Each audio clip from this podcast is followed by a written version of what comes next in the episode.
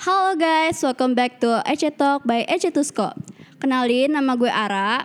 Di episode kali ini, gue mau ngebahas movie recommended banget nih yang mi- misalkan kayak lewat-lewat dari TikTok gitu. Nah, kali ini kita bawa special guest kita yaitu Hey guys, gue Rifasya, asik. Halo, gue Naya. Halo guys, gue Sekar. Hai, gua Keisha. Gue Kaila. Kali ini kita semua mau ngerekomendasiin movie-movie yang seru banget buat siapa tahu buat masukin ke list movie kalian gitu kalau kalian lagi gabut gitu. Disclaimer, walaupun kita bareng-bareng, kita mematuhi protokol kesehatan buat kalian. Jangan lupa pakai masker dan hand sanitizer, oke? Pertama, kita mau ngebahas film-film yang lagi viral. Langsung aja kita ke guys kita, Rifasya. Eh, halo guys, oke. Nah, kalian nih, terutama yang main TikTok nih, pasti di time di FYP tuh, di FYP tuh sering keluar film-film rekomendasi tuh, terutama Megan is Missing, lagi viral banget nih akhir-akhir ini. Kalian pasti nanya-nanya, apaan sih Megan is Missing itu? Eh, kenapa orang-orang bilang sampai bikin trauma tuh? Uh, apalagi ya. Nah, jadi nih guys, kan aku eh, gue deh, gue udah pernah nonton film Megan is Missing ini. Megan is is Missing ini genrenya itu thriller guys. Nah, jadi si Megan is Missing ini nyeritain tentang dua cewek yang sahabatan. Jadi mereka itu kayak ketemu sama orang eh bukan orang ya cowok gitu di internet. Mereka tuh udah kayak sering webcam gitu. Nah, pokoknya nanti ada kejadian-kejadian gitu deh guys gara-gara si cowok ini. Nah, pokoknya dari kejadian-kejadian itu bikin trauma banget yang penontonnya. Uh, pokoknya serem banget.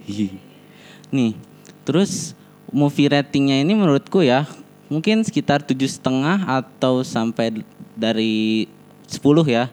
Karena kenapa di 40 menit pertama itu plotnya itu pak kayak lambat gitu guys, kayak kayak gimana ya? Pertamanya itu nggak penting gitu deh, bisa di skip skip gitu, kayak cuma nyeritain tentang seberapa dekat si Megan sama si ini tuh.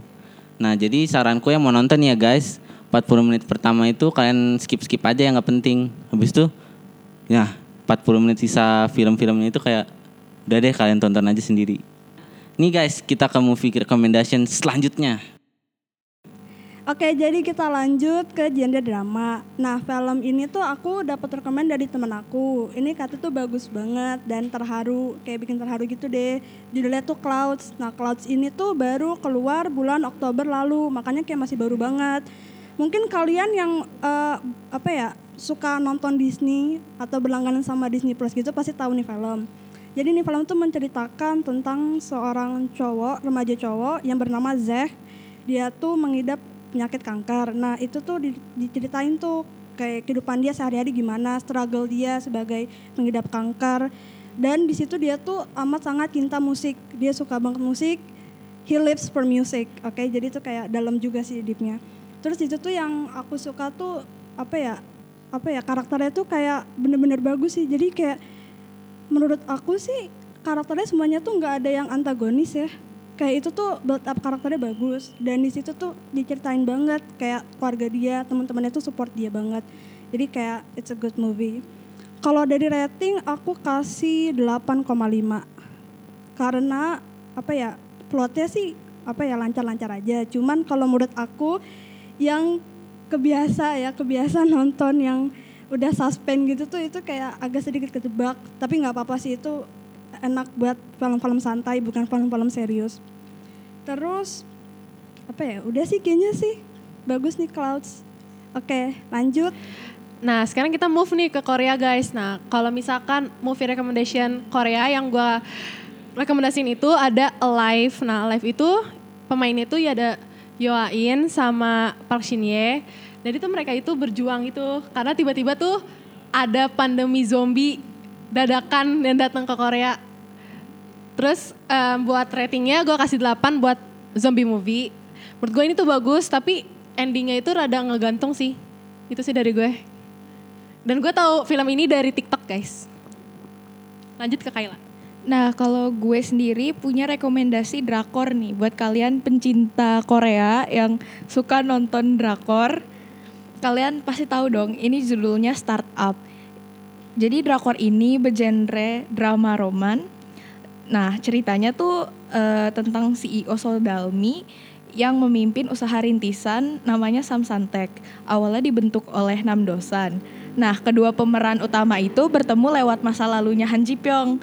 Drama ini memecah belah penonton jadi tim dosan dan tim Ji Pyong. Sejauh ini sih dari yang gue tonton udah 11 episode gue bisa kasih rating 9 dari per 10 sih karena emang bagus banget bahkan Arif Muhammad aja ikut nonton sama istrinya Gue tim Jipyong. Raikan topi ini. Oke, kita move ke Thailand. Ini ada series yang lagi rame, itu The Gift Graduation. Jadi eh, itu yang season 2-nya dan aku udah nonton yang season pertamanya itu The Gift. Itu nyeritain tentang murid-murid yang punya potensi lebih dan ditempatin di, di kelas khusus gitu. Ini eh, jadi season satunya rada ngegantung, jadi lanjut di season 2 yang lagi ongoing. Ini Keisha bisa ceritain dikit. Nah, kalau season satunya itu tuh lebih ke potensi pribadi mereka gitu. Nah, kalau yang season 2-nya itu ngebahas tentang masalah mereka sama kepala sekolah mereka. Jadi kayak ternyata tuh lebih banyak lagi problem daripada season 1. Nah, buat genrenya itu science fiction dan fantasi. Dari aku sama Keisha sendiri ngasih ratingnya 9 dari 10 karena menurut kita bagus banget gitu. Jadi kalau misalnya kalian suka banget nonton yang genre genre kayak gitu, ini tuh recommended banget buat kalian. Seru banget guys. Kalian harus nonton. Eh ya guys, gue kelupaan nih. Gue mau nambahin satu film lagi, asik. asik lagi. Udah pokoknya gini guys. Ini tuh judul filmnya In the Tall Grass. Ini film keluaran tahun 2019 dari Netflix. Pokoknya ini tuh kayak tentang orang sesat gitu guys di rumput-rumput tinggi gitu. gitu guys. Nah jadi em, untuk alurnya sendiri tuh kayak maju mundur maju mundur terus ngebingungin. Tapi seru. Jadi nonton. Ratingnya 8 per 10. Kalau Rifasya? Sama sih mungkin 8,5 karena sinematografinya kataku bagus. Oke, udah kita ngebahas yang viral-viral. Sekarang kita move ke horor. Nah, aku mau ngerekomendasi nih dari Ara nih. Jadi aku punya film horor gitu, judulnya Z. Pokoknya Z doang gitu. Itu tentang ceritanya kayak ada anak kecil ya biasalah kayak apa ya horor-horor luar negeri gimana sih? Kalau anak kecil pasti punya teman imajinasi kan? Nah teman imajinasinya dia ini tuh kayak sosok kayak kalian bisa nonton lah ya pokoknya. Terus jadi ini nyambung sama eh, cerita emaknya waktu dulu. Pokoknya itu nyambung gitu. Tapi sih menurut aku itu rada aneh filmnya kayak tiba-tiba tiba-tiba aja gitu kayak begitu. Terus emaknya. Emaknya kayak punya janji gitu sama si teman imajinasinya ini tuh punya janji dan akhirnya kayak dilaksanain. Itu itu absurd banget. Apa sih kalian ketawa? Ya kayak absurd banget.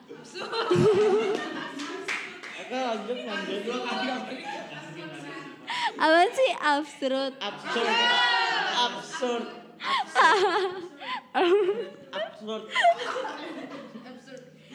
ya pokoknya kayak pokoknya gitu. Makanya. Enggak.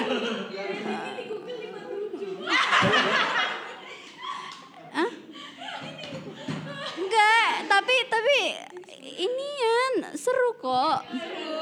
Ya menurut aku ya tapi kalau kalian kalau kalian iseng-iseng gitu ya udah nonton aja tuh iya rating dari aku walaupun itu aneh filmnya ya tujuh lah ya menurut aku tujuh per 10 tapi sumpah kalian harus nonton sih kalau yang lagi gabut dan kayak ya udah pengen nonton ya udah itu aja tontonnya oke kita lanjut ke thriller untuk Rifasya nih yang banyak banget rekomendasinya Ayo guys, balik lagi sama gua asik. asik lagi nih. Um, Oke guys, pokoknya tuh ya dari semua yang aku pernah gua pernah nonton gitu ya. Yang baru-baru ini baru ditonton tuh ABCs of Death. Kalian tahu nggak sih? Jadi pokoknya di film ABCs of Death ini kayak kompilasi film-film gitu yang judulnya itu sesuai abjad. Misalnya A judulnya apa, B judulnya apa. Jadi beda-beda gitu. Sumpah ya, itu di filmnya itu itu kayak uh, serem banget sumpah. Itu trailernya tuh bikin deg-degan gitu, bikin bikin eh pokoknya wajib banget deh guys. em, genrenya ini kan iya tadi thriller dan ratingnya tuh mungkin 8,5 dari 10. Ini sumpah bagus banget. Recommended bagi kalian yang pengen lagi deg-degan gitu. Oke dah guys, kita pindah ke genre selanjutnya. Em, Sebenarnya masih di genre yang sama. Em, kalau gue sih ngerekomendasiin Ready or Not sama Gonjiam. Sebenarnya mungkin kalian tuh udah pernah nonton, tapi yang udah pernah dengar tapi belum nonton harus nonton karena itu dua seru banget. Nah itu sih dari gue kalau di horor. Ya, saya bukan guestnya, tapi saya mau nambahin film thriller horor namanya The Shining. Itu udah lama sebenarnya. Pokoknya ceritanya itu eh, dia disuruh ngejagain hotel di saat lagi musim dingin. Tuh dia cuma bertiga sama keluarganya. Nah di hotel itu ada kejadian tidak mengenakan dulunya. Terus anaknya itu juga anak IndiHome. Eh maksudnya Indigo gitu. Terus anaknya itu punya imaginary friend gitu. Pokoknya kalian harus nonton. Itu juga ada sequelnya namanya Dr. Sleep melanjutkan kisah anaknya. Rating dari saya itu eh, 9 karena musiknya menyeramkan terus sequence-nya mantap. Saya suka film itu. Terima kasih. Oke, kita abis yang menegang-negangkan, yang serem-serem, kita move ke yang sweet-sweet, yang uwu-uwu gitu. ya, kita ke genre romance. Yuk, siapa yuk? Nah kalau dari gua buat romance itu ada Me Before You, Five Feet Apart, The Fault in Our Stars, sama All the Bright Place. Kayak itu seru banget kalau misalkan nonton em, film romance yang genrenya itu cowok atau ceweknya tuh sakit kayak sedihnya tuh dapat ya. Buat semua film itu aku ngasih rating 9 karena sedihnya itu dapat terus bagus. Nah untuk sekarang kita terbang ke Korea. Nah di Korea ini banyak banget nih drakor-drakor recommended. Nah itu pertama ada More Than Friends, nah, itu wajib banget ditonton. Terus ada The King Eternal Monarchs. Terus sama It's Okay to Not Be Okay. Pokoknya drakor-drakor 2020 tuh sekarang bagus-bagus, semua harus ditonton. Oke guys? Oke. Ya, jadi kita tiba-tiba langsung ke Thailand. Ada orang tambahan yang mau nambah-nambahin. Ya, gue orang tambahan, maklumin. Dan di sini gue mau rekomendasiin kalian film Thailand romance paling menurut gue ya, paling the best banget, gak tau the best, the best, the best itu adalah Friendzone. Itu tuh ceritanya tentang cowok, dia tuh terjebak friendzone itu selama 10 tahun gila gak sih lu? Terus ya udah, menurut gue itu bagus banget, gue kasih rating itu 9 per 10. Sekarang dari gua ini ada rekomendasi eh, Crazy Rich Asians. Jadi itu nyeritain tentang Ras Rasel sama Nicholas yang pacaran. Nah ternyata Nicholasnya ini orang kaya banget gitu loh. Nah mereka kan mau nikah terus minta restu tuh terbanglah ke Singapura. Ternyata nggak direstuin guys. Itu itu seru banget. Jadi Raselnya itu karakternya keren sih menurut aku. Dari aku ratingnya 9 dari 10 karena bagus. Oke lanjut ke Sekar. Oke, kalau dari gue ini dari Amerika juga, ini tuh judulnya tuh Flip. Ini tuh filmnya udah agak lama ya, tahun 2011 keluarnya. Nah, itu tuh ceritanya tuh kayak romance drama gitu. Ceritanya tuh kayak ada remaja cewek yang dia tuh suka sama cowok, tapi itu cowok tuh benci banget sama itu cewek. Tapi nanti indi apa ya? Eh nggak boleh spoiler ya.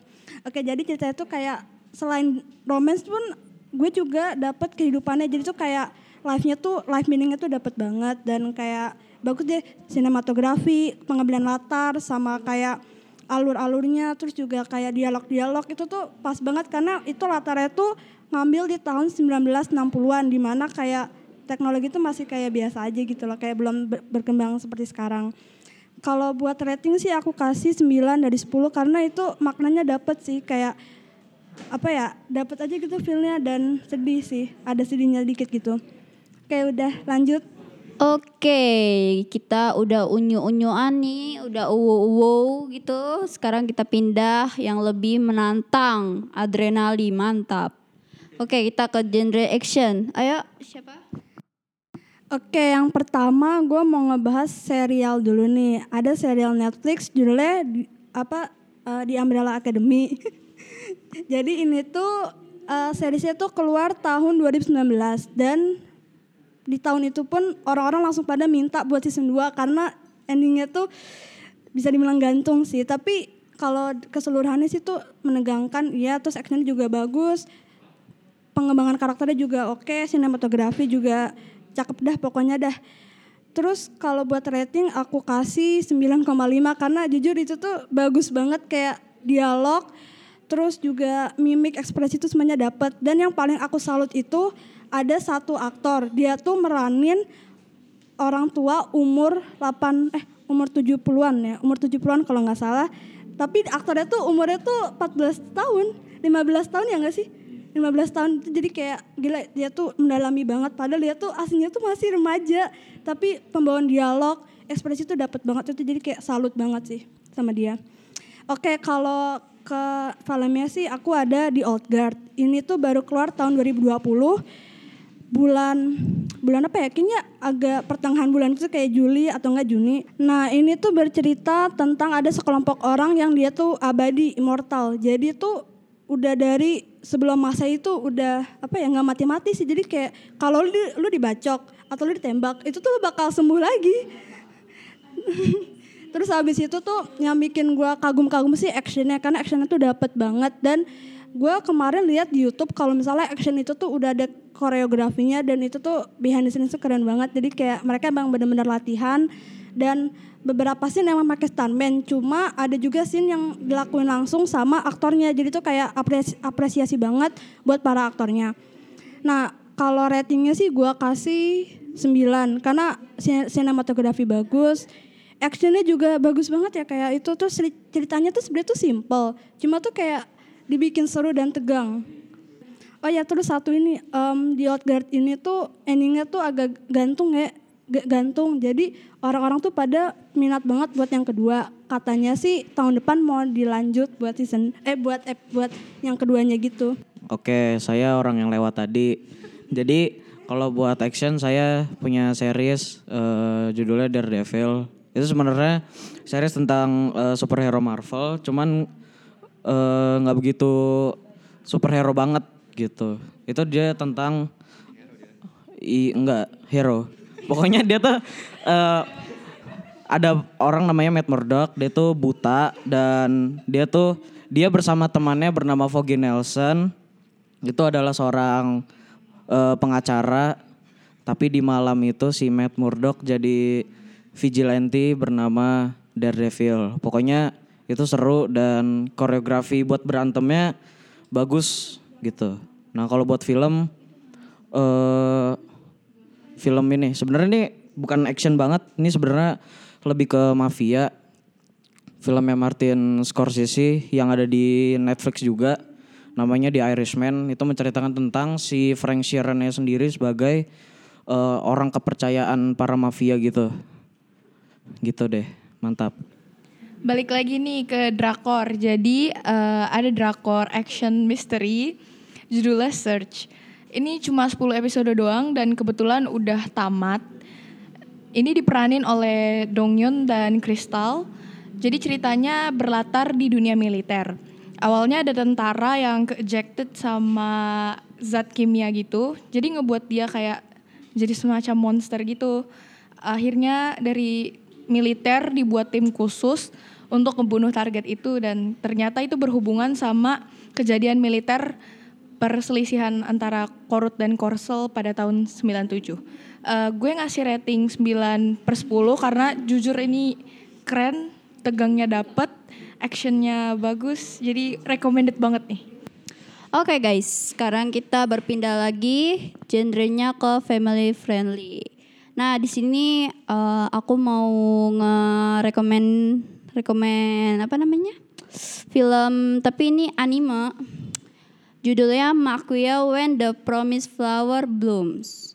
Ini itu filmnya ini tuh apa ya? Kalau bagi kalian yang susah nangis, pengen nangis gitu, nonton deh. Serius ini bakalan bikin nangis, bikin sedih parah. Soalnya jadi tuh ceritanya nih sekilas sekilas aja ya. Eh, ada perempuan yang eh ada sebuah apa sih namanya tuh kalau itu perkumpulan gitu, bukan perkumpulan. Ah. bukan pengajian.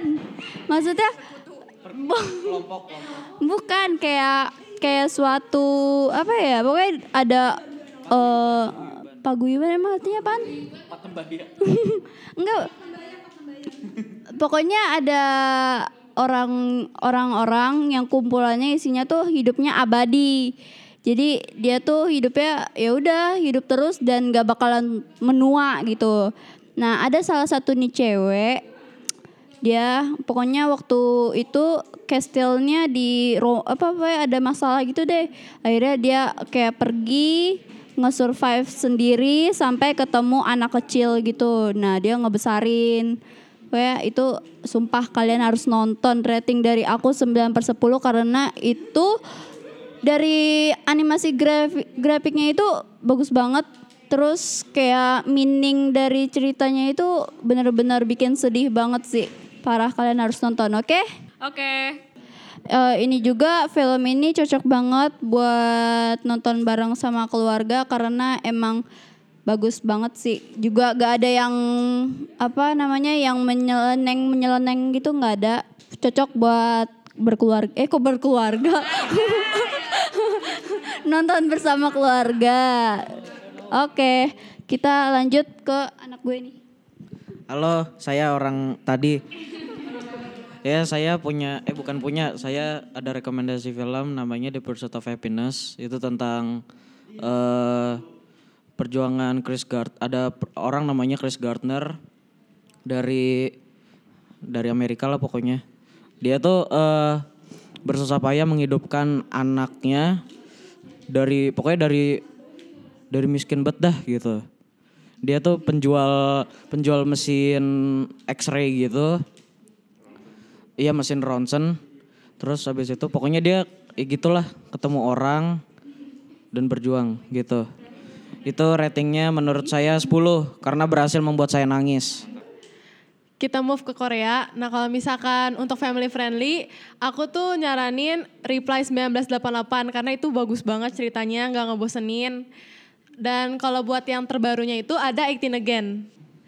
Nah kalau 18 Again itu tuh ceritanya tentang ada cowok nih yang udah berkeluarga, tapi itu tiba-tiba suatu saat tuh dia balik lagi ke masa mudanya. Jadi semuanya tuh fisiknya balik ke masa muda gitu. Jadi dan itu tuh dapat banget eh, sedihnya tuh dapat, terus cerita cintanya juga dapat.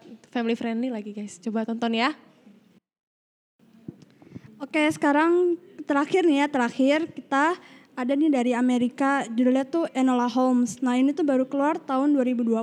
Ini tuh enak banget ya kalau buat nonton sama keluarga, soalnya kayak adventure dapet, family dapet, terus juga apa ya action action sedikit juga dapet. Jadi kayak ada tegang, tapi juga ada yang seru, juga ada yang kayak apa sih menyentuh hati gitu. Kalau dari aku tuh ratingnya tuh 9 karena bagus dan emang yang main kan Millie Bobby Brown ya. Pasti kalian tahu kan Millie Bobby Brown yang main Stranger Things. Nah, jadi itu tuh ceritanya tentang dia mau nyari ibunya yang tiba-tiba hilang. Nah, di situ dia tuh juga berpetualang sama Lord yang lagi kabur gitu. Pokoknya seru deh pokoknya enak buat keluarga. Masa nonton sama keluarga terus juga itu tuh nggak ada bagian-bagian yang apa ya, yang nyeleneh gitu. Dah, ya sih udah itu doang. Ya kita udah di penghujung acara. Sumpah sih gue jujur capek ya. Moga-moga kalian yang denger ini ngerti lah ya apa yang kita sampein semua film-film rekomendasi kita dan semoga untuk mengisi kegabutan kalian juga ya semoga. Oke, stay tune ya buat episode selanjutnya. Terima kasih. Dah.